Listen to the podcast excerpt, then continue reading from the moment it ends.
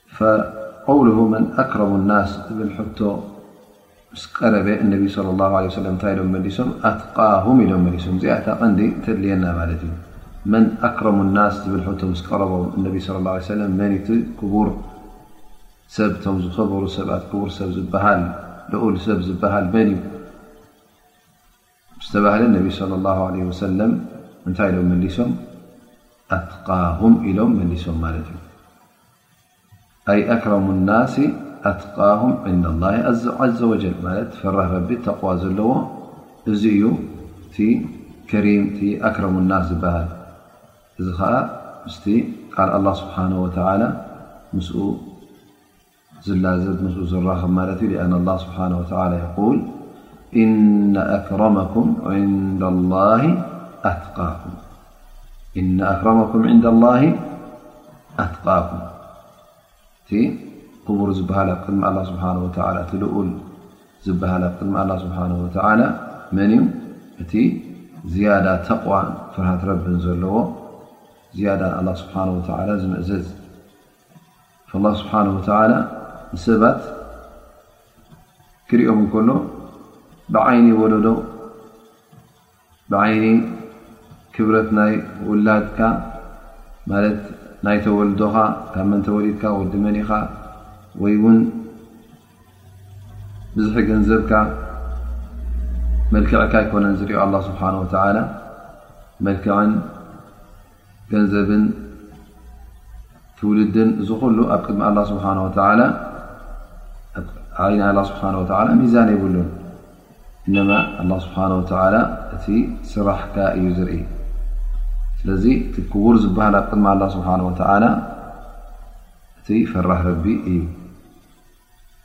ሊክ ኣላ ስብሓን ወላ ነቶም ተቕዋ ዘለዉ ነቶም ፈራሃት ረቢ ዘቦኦም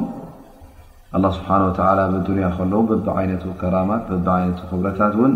እንርእዮን ዘይንርእዮን ይህቦም ምክንያቱ እሶም እዮም ቶም ዝኸበሩ ቶም ዝለዓሉ ናብ ቅድሚ ኣላ ስብሓን ወተላ ስለዚ እዚ ሓዲስ እዙ ንምንታይ እዩ ዝደፋፍኣና ናብ ምንታይ እዩ ዝፅውዓና ዘሎ ተቕዋ ኣላ ስብሓን ወተላ ንክንገብር ምኽንያቱ ኣብ ቅድሚ ኣላ ስብሓን ወተዓላ ክቡራት ክንከውን እንተደኣ ኮይንና ፈራሃት ረቢ ክንከውን ኣለና ነቲ ኣላ ስብሓን ወተዓላ ዝኣዘዘና ክንምእዘዝ ከለና እዚ እዩ እቲ ተቕዋ ዝበሃል ማለት እዩ ስለዚ ኩሉ ግዜ እንተ ተቒ ነቒ ኮይንካ ንፁህ ፅሩይ ፈራህ ረቢ እንተ ኮይንካ ኣብ ቅድሚ ኣላ ስብሓን ወተዓላ ክቡር ኢኻ ትኸውን እዚ እቲ መልሲ ናይዛ ሕቶ እዘይ ኢሎም መሊሶም ነቢ ስ ሰለም ግን እቶም ኣሰሓባ ክሓቱ እንከለዉ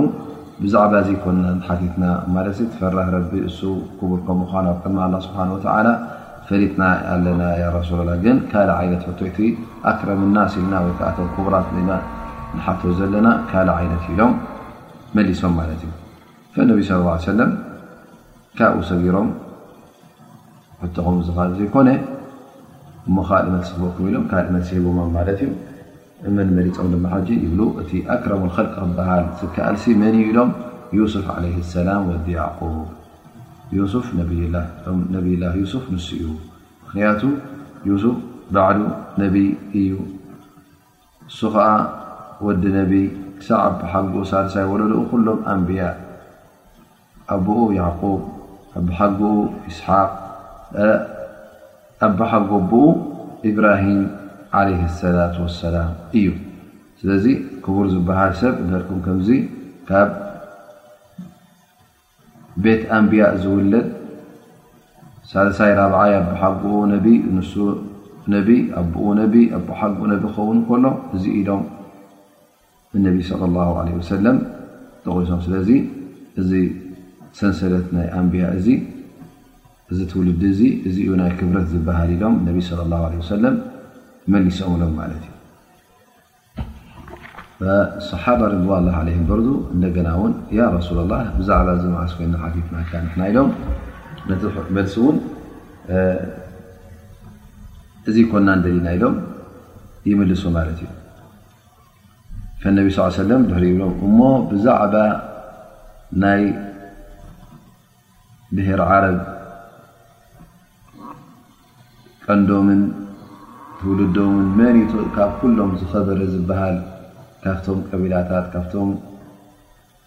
ናይ ቤት ዓረባት ዘለዉ ብዑር ኢኹም ትሓቱ ዘለኹም ኢሎም ነቢ ስለ ላ ለ ወሰለም ይምልሱሎም እዚ እንተ ኮይኑ ሕቶኹም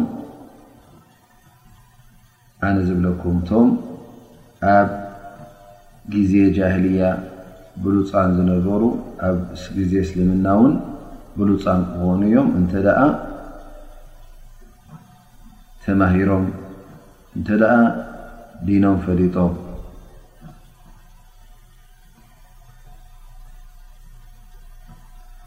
ስለዚ እቲ ክቡር ዝበሃል ኣብ እስልምና እውን እንተ ደኣ ዲኑ ዝፈልጥ ኮይኑ መገዲ ኣላ ስብሓን ወተላ ሒዙ ዝኸይድ ኮይኑ ቀደም ካብ ክቡር ቤተሰብ ነይሩ ሕጂ እውን ክቡር ክኸውን ይኽእል እዩ ግን ሽርጢ ኣለዎ እዚ ጉዳይ እዚ ቅድመ ኩነት ኣለዎ እንታይ ክኸውን ኣለዎ ተዓለመ ዲኑ ዝፈልጥ ክኸውን ኣለዎ ማለት እዩ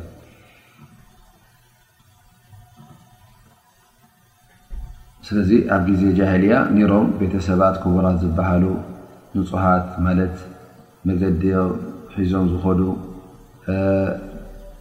ኣብቲ ህብረተሰብ ክብረት ዝነበሮም ነቢ ለ ላ ሰለም ሕጂ ካብ መን እዩ ናብ በኒ ሃሽም እዞም በኒ ሃሽም ድማ ኣብ ቁሬሽ ውሩያትን ፍሉጣትን እዮም ነይሮም ላ ስብሓን ወተላ ንነቢና ሙሓመድ ለ ላ ለ ወሰለም ክልእከም ከሎ ካብ ክቡር ዝኾነ ናይ ቤት ካብ ክቡርቲ ዝኾነት ስድራ እዩ ኣላ ስብሓን ወተላ ካብ ክብርቲ ቀቢላ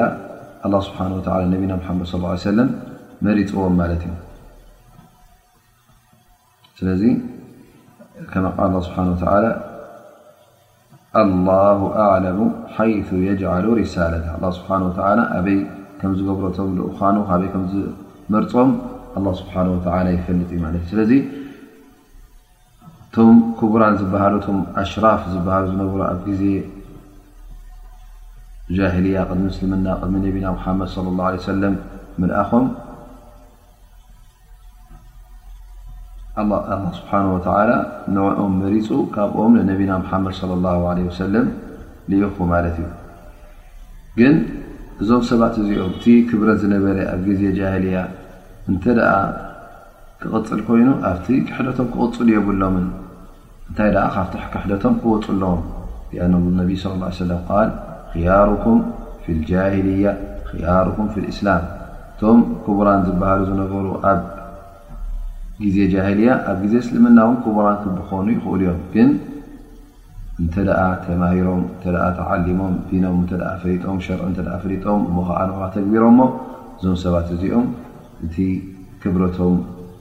ኣብ ግዜ ጃህልያ ዝነበረ ኣብ ግዜ እስልምና ውን ክቕፅለሎም ይኽእል እዩ ኢሎም ነቢ ለ ላ ለ ሰለም ሓቢሮማ ስለዚ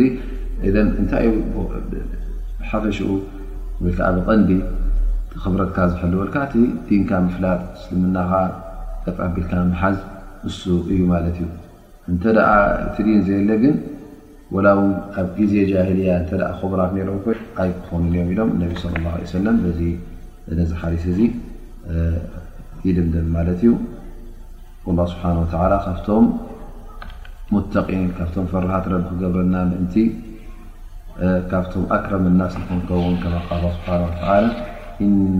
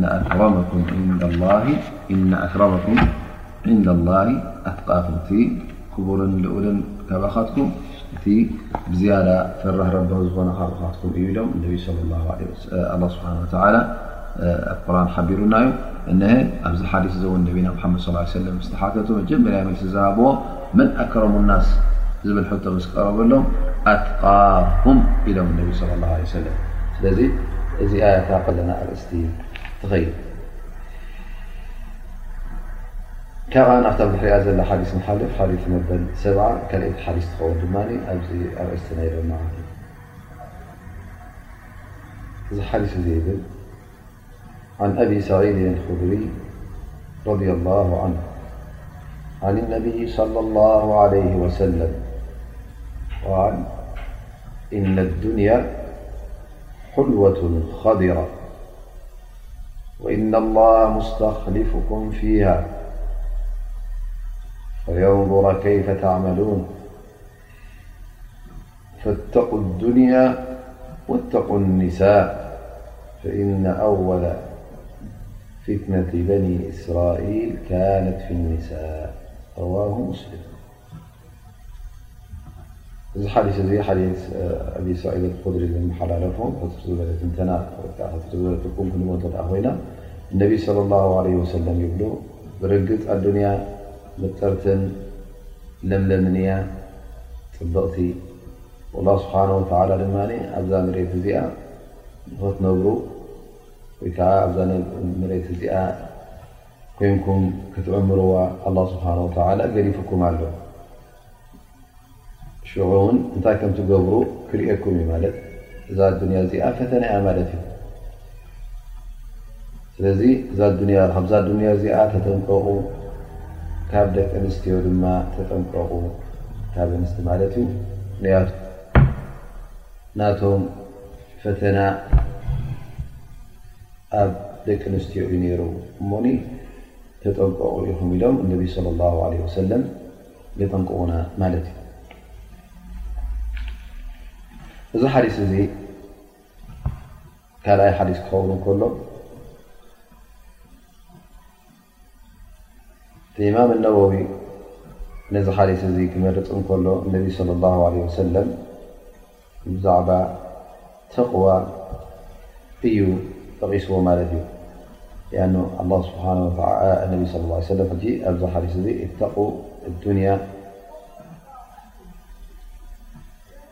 ኢሎም ኣጠንቂቖም ማለት እዩ። ማለት ብዛዕባ ዱንያ ምስ ጠቐሱ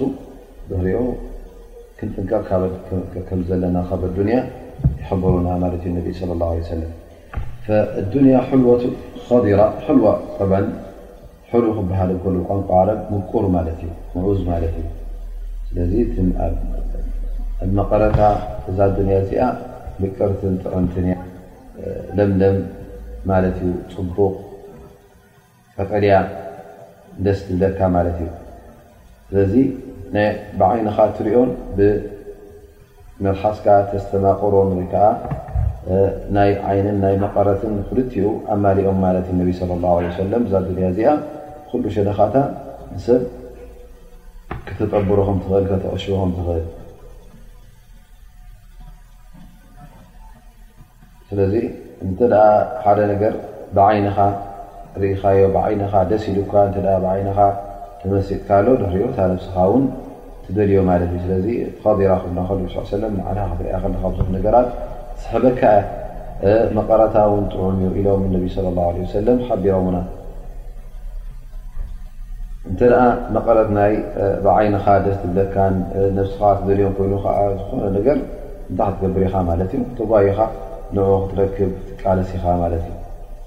ስለዚ እቲ መልክዓን እቲ መቐረታን ከዕሽወና ከም ዘይብሉ ዩ ነቢ ስለ ላ ለ ሰለም ኣብዚ ሓዲስ እዚ ዘጠንቅቑና ዘለዉ ማለት እዩ ተ እሳ ዕሽያትና ደድሕሪኣ ክንጎይ ንዓኣ ከነርክብ እሳ ጥራይ ሃሚ ናህና ኮይና እሳ ናህና ጥራይ ንያ ኮይና እቲ ናይ ኣራ ክንርስዕ ኢና ማለት እዩ ነቢ صለ ላ ለ ወሰለም የጠንቅቑና ኣለዉ የዘኻኽሩና ማለት እዩ ኣላ ስብሓን ወተላ ኣብዛ ኣዱንያ እዚኣ ከምብረኩም እዩ እዛ ኣዱንያ እዚኣ ከም ትነብርዋ ክገብረኩም እዩ ግን እንታይ ከም ትገብሩ እንታይ ከይትገብሩን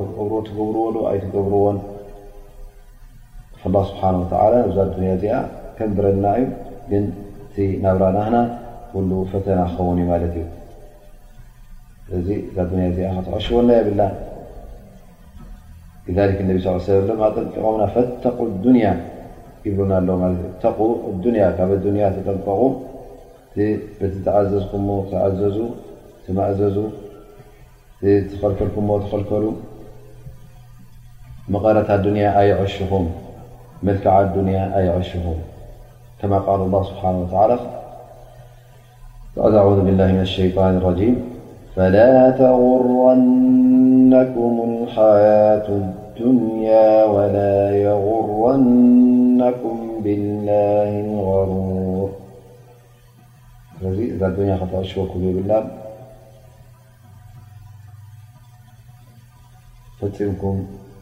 ክትክድዑ የብልኩምን እተቁ ዱንያ ወተቁ ኒሳእ ከምኡ ውን ካብ ደቂ ኣንስትዮ ተጠንቀቑ እሕደሩሁን ይብለና ኣሎ ማለት እዩ ምክንያቱ ደቂ ኣንስትዮ ኣብ ጌጋ ከውደቃኹም ስለ ዝኽእላ ተጠንቀቑ ኢኹም ካብአን ይብልና ማለት እዩ ኣኑ ቅድሚ ሕጂ እውን ተረኽበ ነገር እዩ እቶም በኒ እስራኤል ቅድሜኹም ዝነበሩ ብሰንኪ ደቂ ኣንስትዮ ኣብ ጌጋ ኣብ ፊትና ወዲቆም ተጋግዮም ንሶም ጠፊኦም ነቲ ታሪኮም ኣበላሽዮም ንመቅጻዕቶም ድማ ጀሃነም ኮይኑ ስለዚ ካብኦም ተጠንቀቁ ይብሉና ኣለዉ ማለት እዩ ብ ደቂ ኣንስትዮ ሕጂ ክበሃል እንከሎ ምክንያቱ እንተ በዚ ግዜና ክንሪኦ ኮይና ዋላ ውን በቲ ቀደም ደቂ ተባዕትዮ ምስ ደቂ ኣንስትዮ ብዘይ ሸሪዓዊ መገዲ ክራኸቡ ናይ ፊትና ነገር ኮይኑ ኣብዚ ነገር እዚ ብዙሓት ይወጥቁ ማለት እዩ ኣብ ዝምውና ኹን ኣብ ከም ዝኣመሰለ ዝርከቡ ካብዚ ሕጂ እነቢ ስለ ላ ለ ወሰለም የጠንቅቑና ማለት እዩ ስለዚ እዚ ጉዳይ እዚ እውን ብጣዕሚ ኣገዳሲ ስለ ዝኾነ ንሰብ እውን ብደቂ ኣንስትዮ ከተዕሽዎ ንወዲ ተባዕታይ ክትዕሽዎ ስለ ትኽእል ፀላእቲ እስልምና እውን እንተ ርእና ሕጂ ነዚ ጉዳይ እዚ ብጣዕሚ ይግደሱሉ ማለት እዩ ኣብ ሃገራት ኣስላም ኮይኑ ኣብ ካልእ ንሰብ ኸታልልሉ ንሰብ ከጥፍኡሉ ደቂ ኣንስትዮ ልክዕ ከም ደቂ ተባዕትዮ ማዕረ እየን እናበሉ ካብቲ ኣላ ስብሓን ወተዓላ ዝኸለቐን ባህሪ ኣውፅኦም ካልእ ዓይነት ሰሪሖመን ማለት እዩ ምስ ሰብኣይ እናተሓዋወሳ ኣብ ኩሉ ቦታ እናተረኸባ ክዳውንተን እናቐንጠጡ እናመላኽዑን እናፀባበቑን ሕጂ እቲ ርክብ ኣብ መንጎ ወዲ ተባዕታይን ጓል ኣንስተይትን ብሸሪዓዊ መንገዲ፣ ሕጋዊ መንገዲ ክግበር ዝግበኦ ስዲ ገዲፎሞ ተልካ ደኣሲ ልክዕ ከም እንስሳ ወዲ ተባዕታይ ምስ ጓል ኣንስተይቲ ናይ ዕርክነት፣ ናይ ልፍንቲን ናይ ካልእ ኣስማትን ተዋሃሂቡ ነልቀላሲ ሃምናቱን ከብዱን ብልዕቱን ኮይኑ ካብ መገዲ ይወፅእ ኣሎ ማለት እዩ እነህልካ ርኡዩ ሕጂ እውን እዘን ደቂ ኣንስትዮ ኣብ ናይ ሲነማ ኮይኑ ኣብ ናይ ቴሌቭዥን ኮይኑ ኣብ ካልእ ናይ ሬክላም ኮይኑ ክትሪኦም ከለኻ ጥራይ ናይ ደስታን ናይ ሻህዋን ገይሮም ይስእልዎን ማለት እዩ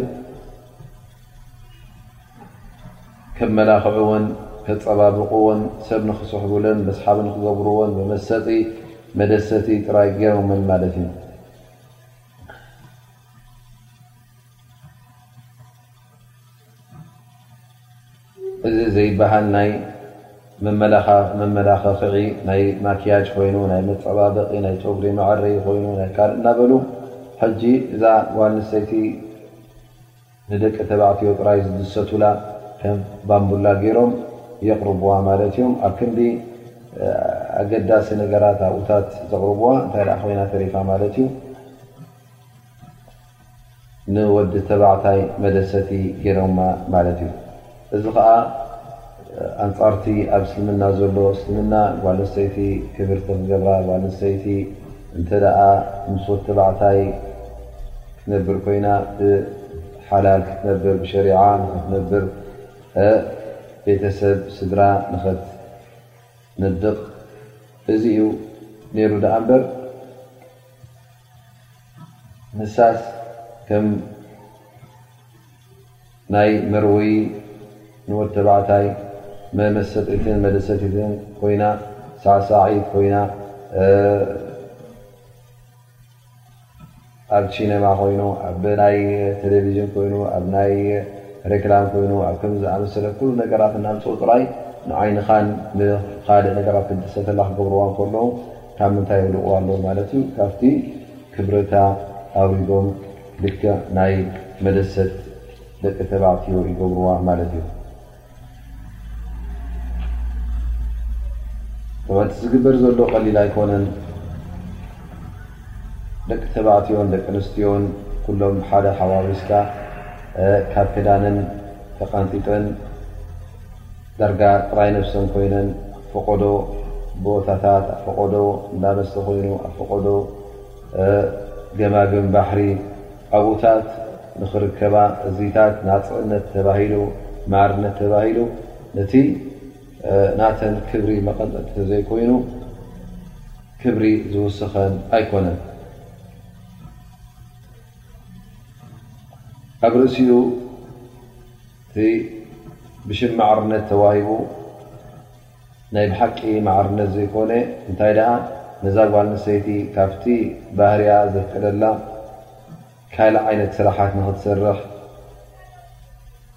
ካብ ገዝኣ ወፂኣ ኣብ ክንዲ ንደቃ ተዕብን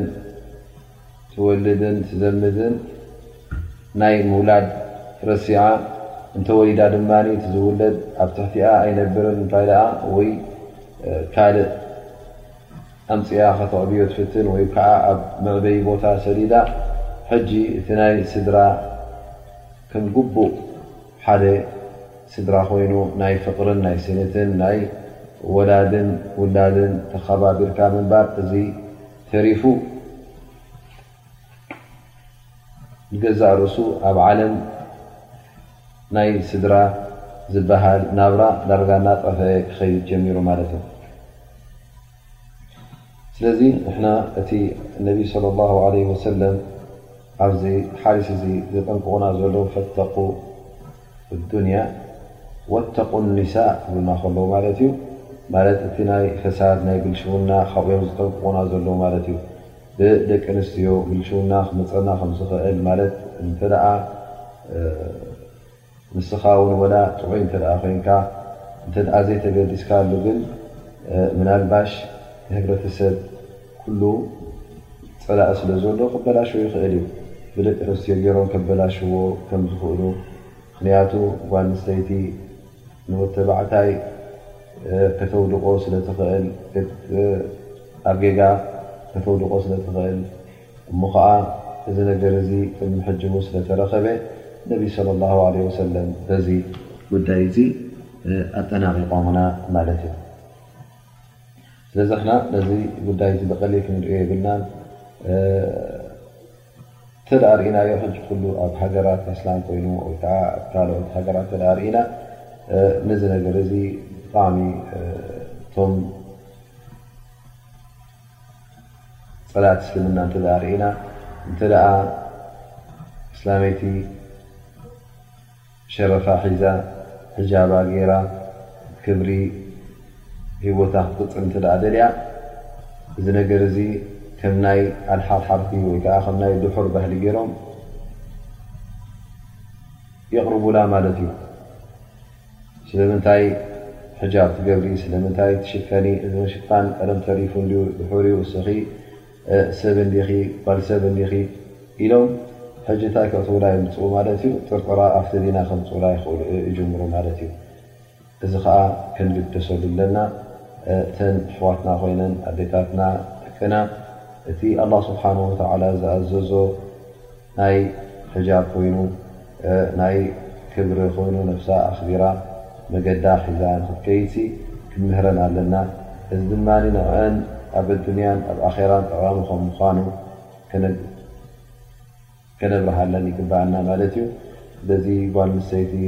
መደሰቲት ንዝኾነ ይኹን ወዲ ተባዕታይ ኣይኮነትን። ተኸሊቓ እንተድኣ ኣብ መንጎኣን ኣብ መንጎ ወዲ ተባዕታይን ርክብ ክኸውን ኮይኑ እዚ ስርዓት ዝሓዘ፣ ሕጊ ዝሓዘ፣ ሸሪዓ ዝሓዘ ኮይኑ ብመደብ ትምራዕያ፣ ስድራ ትገብር፣ ትወልድ፣ ትዝምድ ድሕሪኡ ድማ እቲ ህብረተሰብ በዚ ምዉቕ ስድራ መገዱ ዝሓዘ ጀሚሩ ካብ ፈሳድ ካብ ብልሽዉና ዝረሓቐ እንታይ ይኸዉን ማለት እዩ ናብ ጽቡቕ ስድራ ክንሓልፍ ንኽእል። እዚ ናይ ሎምዓልቲ ደርስና በዚ ይድምደም እንሻኣላህ ሕቶ እንተ ኣሎ ኮይኑ ድማ ኣብ መጨረሻ እዚ ደርሲ እዚ